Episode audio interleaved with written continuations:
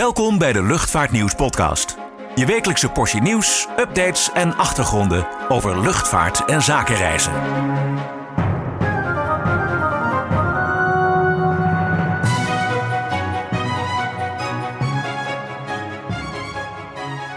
Ja, hallo en welkom bij weer een nieuwe Luchtvaartnieuws podcast. Mijn naam is Klaas-Jan van Woerkom en ik word vergezeld door mijn collega Richard Schuurman. Deze keer eh, iets eerder dan u van ons gewend bent, de podcast in verband met uh, andere werkzaamheden deze week. Dus niet op vrijdag, maar nu al uh, online. Desalniettemin genoeg nieuws om te bespreken, Richard. te beginnen even met Corendon. Ja, jij had een interessant nieuwtje gehoord. Corendon en Curaçao. Wat zit daarachter? Nou, uh, Corendon is een grote speler hè, op Curaçao. Uh, heeft, uh, heeft een aantal hotels daar, een aantal resorts. het grootste daarvan is het Mangrove Beach Resort. Dat is hun eigen hotel. Dat wordt groter en groter. Honderden kamers heb je het dan over. Ehm, en ze kopen daarnaast ook heel veel hotelaccommodatie in bij andere partijen. En om naar Curaçao te komen vanuit Nederland werkt Corendon samen met KLM. Daar nemen ze 120 stoelen per vlucht af. Dus dat is aanzienlijk. Goed, er wordt dagelijks gevlogen natuurlijk naar, naar Curaçao, soms meerdere keren per dag. Dus dat is hun lifeline. Maar het schijnt dus nu zo te zijn, uh, en ik zeg met nadruk schijnt, want we hebben het nog niet bevestigd gekregen, dat Corendon een eigen ja, lijndienst wil optuigen. dat zou dan dit jaar moeten gebeuren. Er is in ieder geval een, een uitnodiging verstuurd voor 22 mei. Dan is er een bijeenkomst in, in hun hotel op Curaçao. Um, waarbij ja, gepraat gaat worden over de vliegcapaciteit. Ehm, en het Antilliaans Dagblad meldde vandaag dat Corendon dus uh, zelf zou willen gaan vliegen. Maar details kon Corendon niet geven. Nou, wij hebben ook niet meer details nog gekregen, maar we hebben natuurlijk wel even gepeild in de wandelgangen wat er, eh, wat er zou kunnen gebeuren. Uh, er wordt gefluisterd door zeer betrouwbare bronnen dat Corendon een A350 zou willen gebruiken. Dat is interessant. Uh, dat is interessant. Ja, als je natuurlijk kijkt in Europa ja, liggen er losse A350's. Volgens mij uh, kun je dan in Spanje of Portugal wel terecht voor charterwerk. Uh, ja, er zijn Frankrijk misschien, maar ja. Ja, ja om echt, om echt uit, uh, uit te lenen of te, te leasen aan Corendon, dat is nog even de vraag. Dus ja, ik ben heel benieuwd. Ik, ik, verwacht niet dat Corendon ze zelf aan gaat schaffen of in ieder geval op eigen EOC gaat vliegen. Want dan moet je natuurlijk weer een hele vliegoperatie daar, daaromheen optuigen. Dat, dat is veel werk. Uh, ze hebben de slots natuurlijk wel. Hè, want ja, ze vliegen op Schiphol, dus ze hebben slots. Je zou kunnen zeggen, misschien verplaatsen ze wat uh, Creta-vluchten naar, uh, naar Maastricht. zodat ze die ruimte op Schiphol kunnen benutten voor, voor verre vluchten. Want slots zijn niet, zijn niet bestemminggebonden. Als je ze hebt, mag je ze gebruiken waarvoor je ze wilt gebruiken. Het is maar hoe moeten, we dit, uh, hoe moeten we dit inschatten dan? Wordt dit dan uh, een, misschien een eerste stap richting uh, een, een, gedeelde float met narrow bodies en wide bodies à la TUI? we weten natuurlijk niet hoe het uiteindelijk uitpakt, maar is, is dit een tijdelijk iets voor een aantal maanden, voor een seizoen? Of, of gaat het waarschijnlijk een vervolg krijgen wel in 2024? Geen idee. Kijk, ze hebben natuurlijk de, de Boeing 737 MAX wel in bestelling. Uh, die heeft volgens mij niet echt de range om non-stop vanuit Nederland die kant op te gaan. Nee, ze wordt wel, Ja, ze hebben natuurlijk wel met de 737-800's destijds uh, Natal gedaan in, in Brazilië. Met dan een tankstop op Kaapverdië. Mm, ja. ja, waar moet je onderweg tanken? Op de Azoren. Lijkt niet ideaal of je moet helemaal omvliegen. Ja, we hebben natuurlijk, er zijn heel veel scenario's denkbaar. ze zouden natuurlijk ook met Suriname Airways mee kunnen liften. Die ook hebben aangegeven van we willen via Curaçao uh, tussen Nederland en Suriname, of tussen Suriname en Nederland eigenlijk gaan vliegen. Wie weet. Goed, dat zijn maar drie vluchten per week die Suriname Airways doet. Het worden er waarschijnlijk wel iets meer.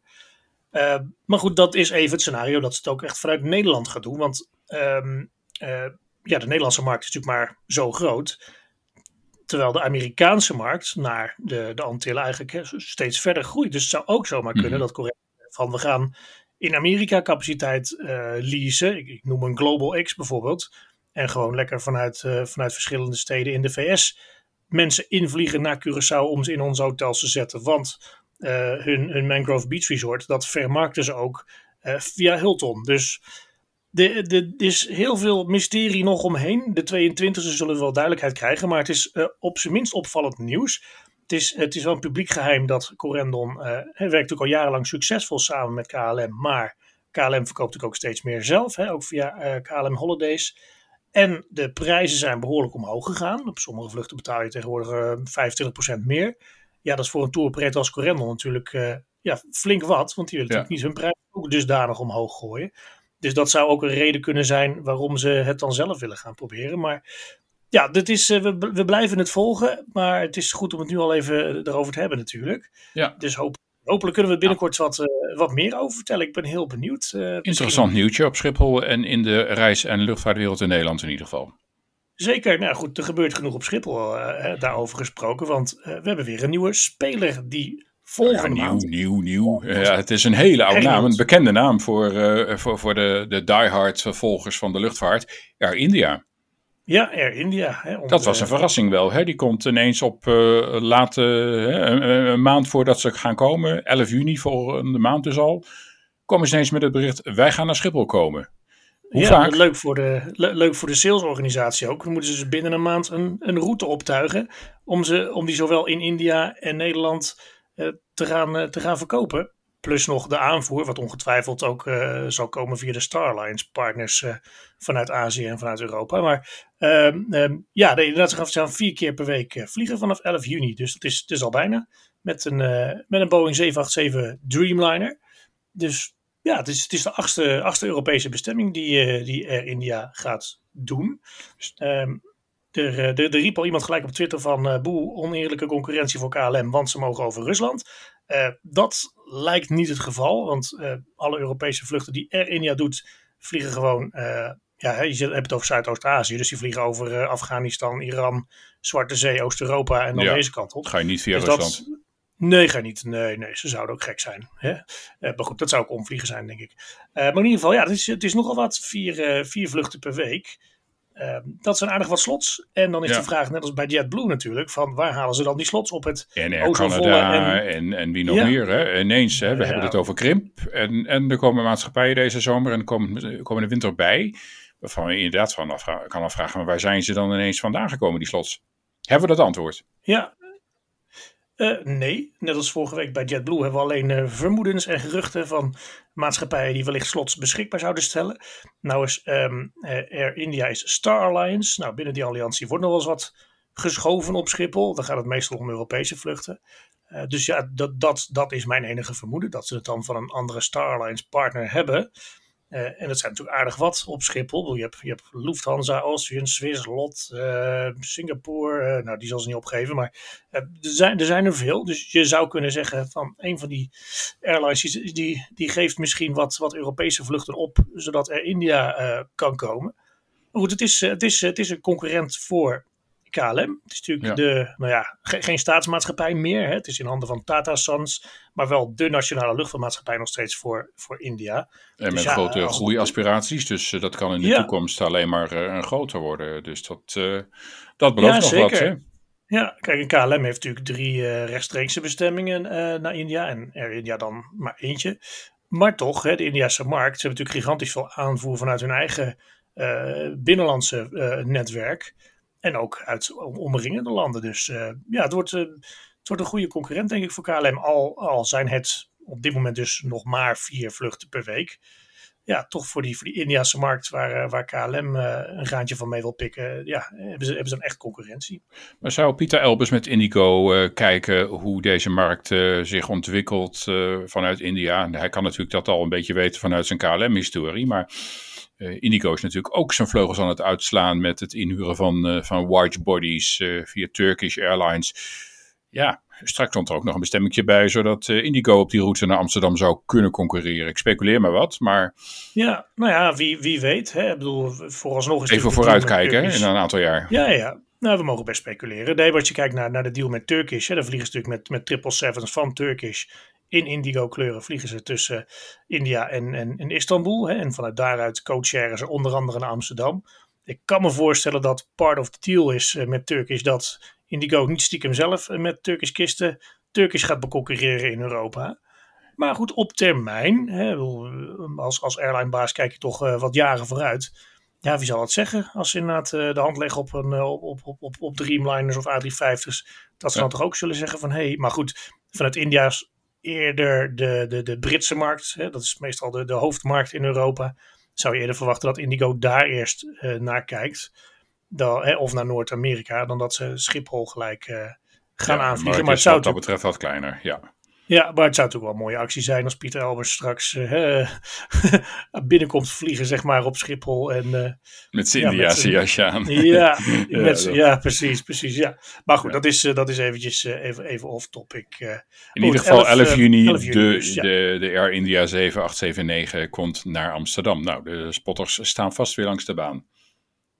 Ongetwijfeld, ongetwijfeld, ja. Um, wat ook ja, naast de baan staat zijn een paar E2's, hè, volgens mij. een paar wat? Een paar E2's van Embraer. Daar hebben we ook nog nieuws over. Een paar E2's. Ja, ja nieuws de, de, over. Nou goed, dus, ja. Hoe zit dat met uh, de KLM op dit moment? Uh, er was een personeelsbijeenkomst, of de, eigenlijk geloof ik de maandelijkse uh, interne uitzendingen. En daar had Marjan Rintel nieuws over ja, hoe het nou toch zit met die problemen met de Embraer E2-vloot bij KLM Cityhopper. Met uh, de al veel besproken motorenproblemen die we hier al vaker aan de orde hebben gehad. Uh, wat had zij daar te melden? Ja, Marjan Rintel, niet voor de duidelijkheid. Het, het ging om interne webcast, dit keer met Maarten Stienen. En ehm, ja, daar werd dus inderdaad naar gevraagd van hoe zit het nou met die, met die E2's. Nou goed, Marjan Rintel is dus naar Sao José dos Campos afgereisd in Brazilië om er eens eventjes te gaan praten met uh, de hoge heren bij Embraer. Want ja, dit duurt natuurlijk al maanden. Dit kost KLM uh, ja, handenvol geld. Dat ze toch flink wat E2's niet kunnen vliegen. Waardoor ze die, die toestellen bij German Airways moeten inhuren om de capaciteit op peil te houden. dus ja, de, de, vraag was natuurlijk van ja, het gaat om problemen met de motoren. Die komen van Pratt Whitney. Wat heeft Embraer er dan mee te maken?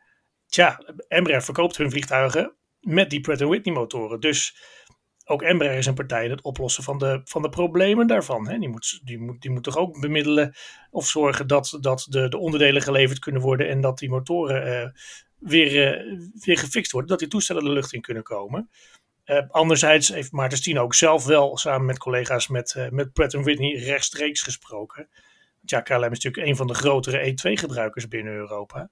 En die, die, die zijn er niet blij mee met, uh, met het aan de grond houden van vliegtuigen. Overigens verwees uh, Stine ook nog wel even naar, uh, naar Indigo en naar Pieter Elbers. Dat hij natuurlijk net zo goed problemen heeft met die Pratt Whitney motoren. Die ook onder de A320 Neo's hangen van, van Indigo. Dus, en zoals, zoals je zei, we hebben het er vaker over gehad. Over de E2 en over de A220 en A320 Neo serie. Die allemaal die geared turbofan motoren hebben. Die, die het niet zo goed doen als ze het zouden moeten doen. Want er was ook nog een E2 van KLM, geloof ik, die deze week uh, motorproblemen had, uh, toch? Nou, van de week eentje, uh, dat, dat was op 30 april was er eentje waar de deur geloof ik niet goed dicht zat, berichten door Ron Sayed van NH Nieuws. En we hadden deze woensdag eentje die moest terugkeren onderweg naar Belgrado. Dat was geen motorprobleem, hebben we begrepen. Maar ja, wel weer een ander technische euvel. En de toestel vloog al boven Duitsland, dus dat is altijd weer een oponthoud als je weer mensen in een ander toestel moet zien te krijgen krijgen, eh, wat je eigenlijk al niet hebt, want je zit met te weinig toestellen. Dus. Maar het bezoek van eh, Marjan Rintel aan Embraer, ja, daar kunnen ze eigenlijk ook niet veel, hè? Dus het is uh, delen van elkaars frustraties, denk ik. En uh, maar hopen dat Pratt Whitney uh, snel de boel in beweging krijgt en de problemen opgelost worden. Maar ehm, ja, dat gaat niet heel vlot. Dat hebben we al eerder besproken. Nee, nee precies. Nou goed, Pratt Whitney doet zijn bijnaam eer aan, hè? Pruttel en Wilny. Ja, Helaas voor de, de, fans van dat merk. ja, precies. Nou, niks, eh, niks tegen het merk. Maar uh, ik wou zeggen, kunnen ze er niks aan doen. Maar ze kunnen er wel wat aan doen. En dat, dat doen ze ook. En KLM verwacht ook wel dat het, dat het opgelost gaat worden. De vraag het duurt alleen een beetje lang. Ja, precies. En over, nog heel even kort over, uh, over vlootcapaciteit. KLM werd ook gevraagd dus van... Hey, kunnen jullie Transavia niet uit de brand helpen? Die er ook zitten te springen om vliegtuigen. Maar nee, KLM moet helaas nul op request geven. Want KLM heeft ook gewoon de toestellen niet, uh, niet zo los liggen.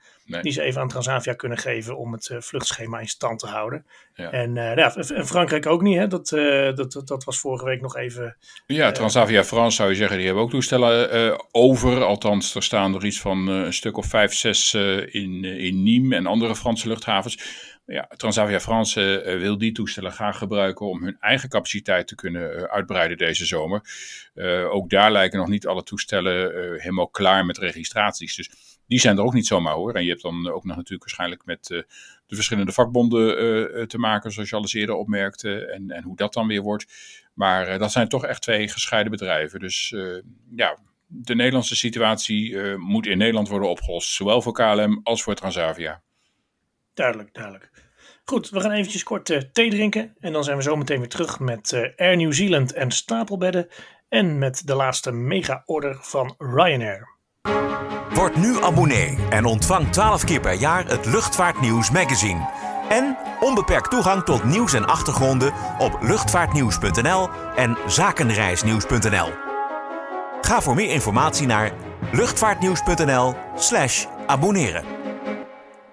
Ja, we zijn weer terug. Um, van Nederland naar Nieuw-Zeeland, even de andere kant van de, van de wereld. Uh, vorig jaar kondigde Air New Zealand al aan dat ze stapelbedden in haar Dreamliners wilden gaan zetten.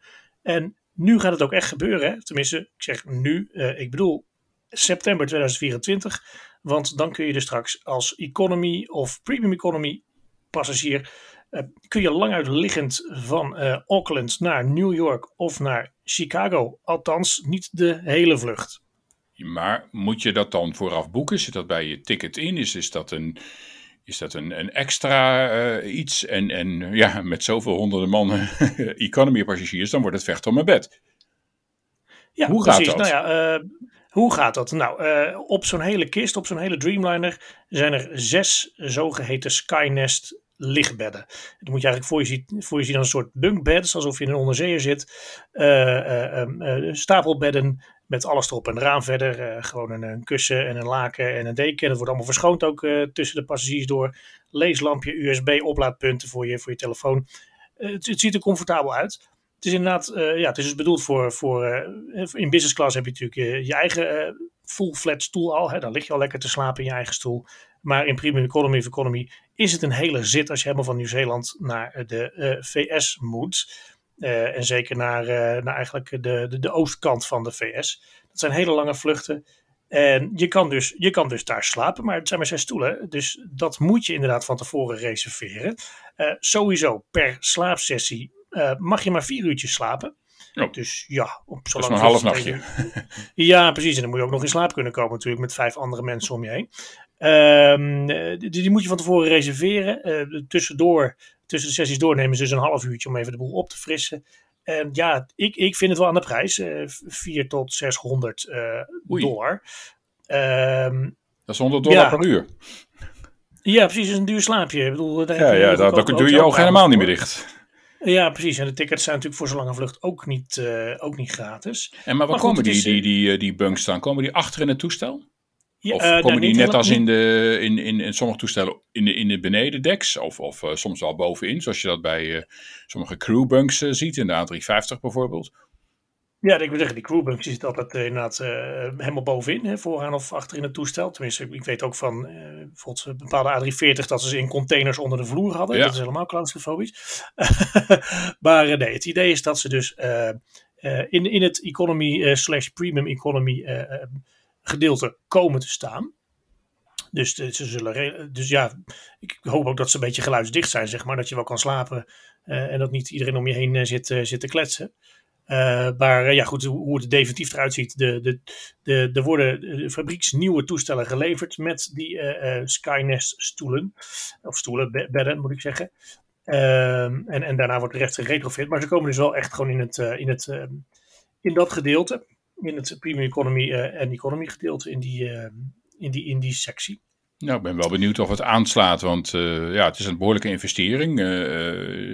ik weet niet of ze ermee gaan testen en of het ook uitgeprobeerd is onderweg. Maar je hebt natuurlijk behoorlijke concurrentie straks op die route. United dat zijn vleugels wil uitslaan richting Australië en Nieuw-Zeeland. Dus misschien is dit het antwoord van Air New Zealand op, op die concurrentie. Maar ja, je moet het er dus wel voor over hebben als je een goede nachtrust wil hebben, of eh, vier uurtjes in dit geval.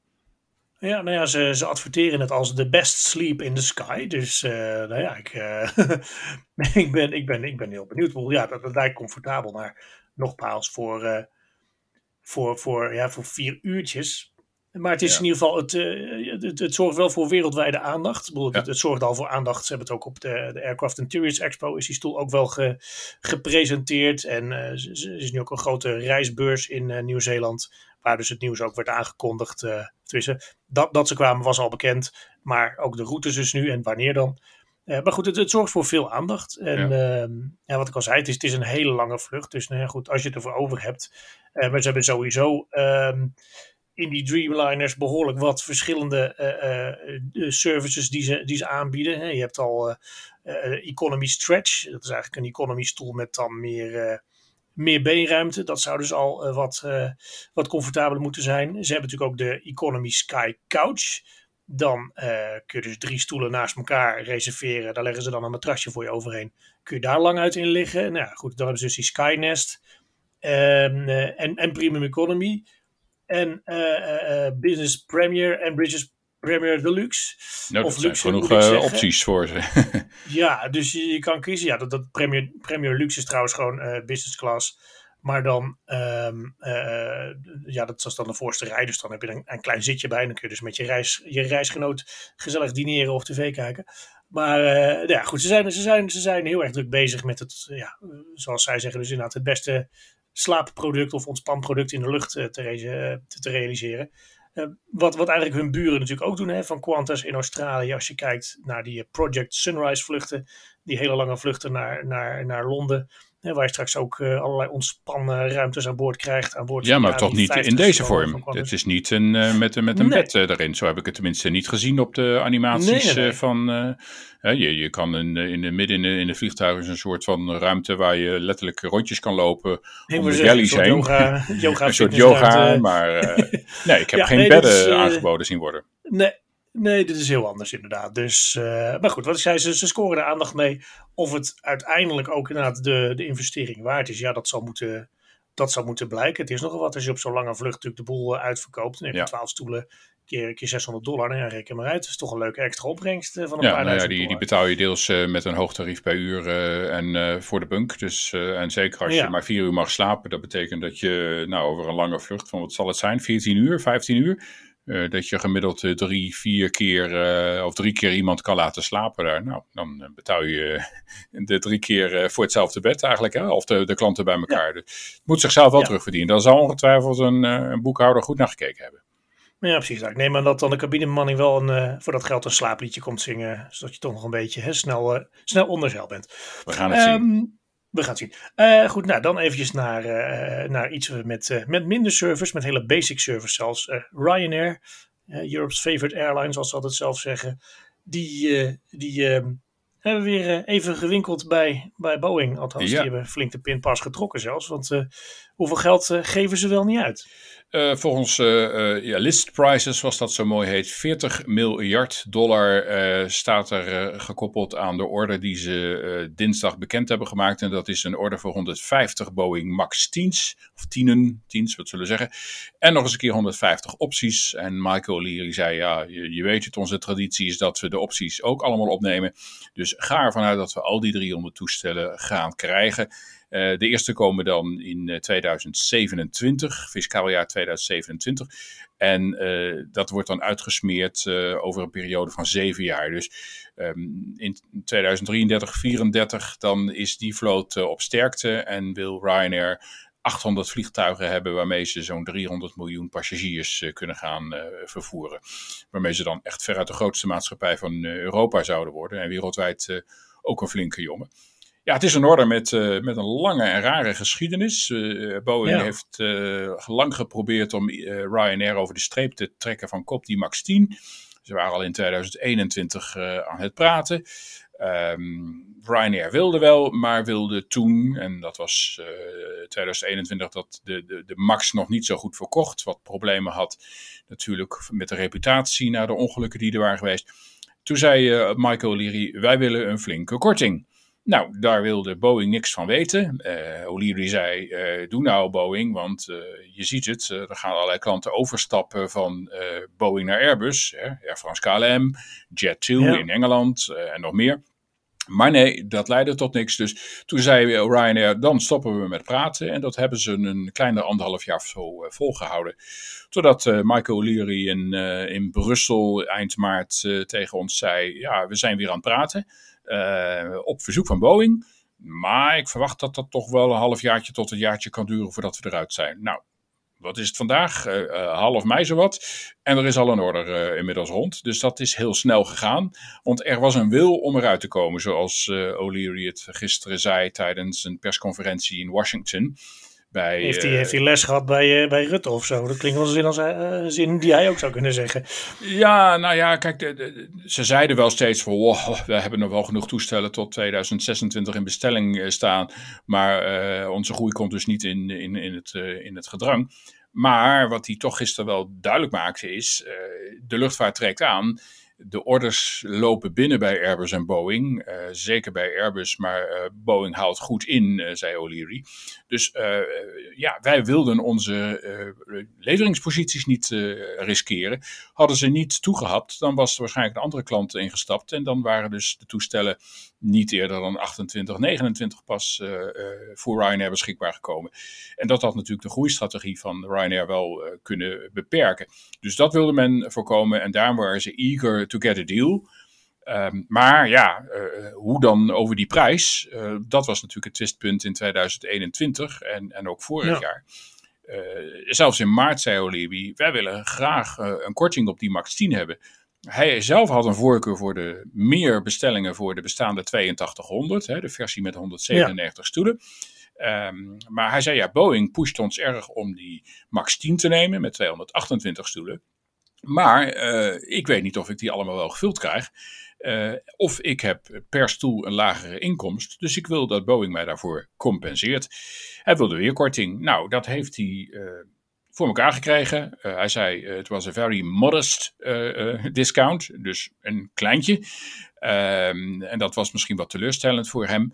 Maar um, ja, hij is wel aan het rekenen. Want nog steeds zegt hij: wij proberen met zo'n toestel in de werkwijze van Ryanair zes tot acht keer per dag uh, heen en weer te gaan uh, met een max 10. Ja, krijg dan alle 228 stoelen maar vol.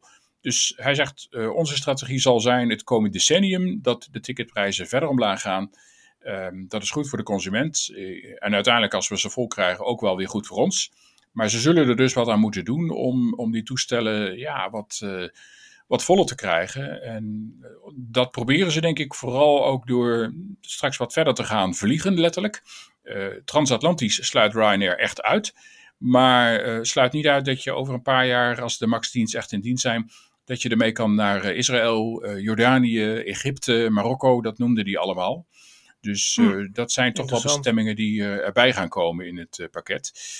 En hij is overtuigd dat hij daarmee dan um, ja, de so-called competitor, zoals hij dat dan noemde, maar dan weten we allemaal dat dat Wizz Air is uh, dat hij mm -hmm. denkt dat hij daarmee kan concurreren als hij een toestel heeft van 228 stoelen en Wizz Air met zijn 230 stoelen in een uh, A320 of 21 NIO.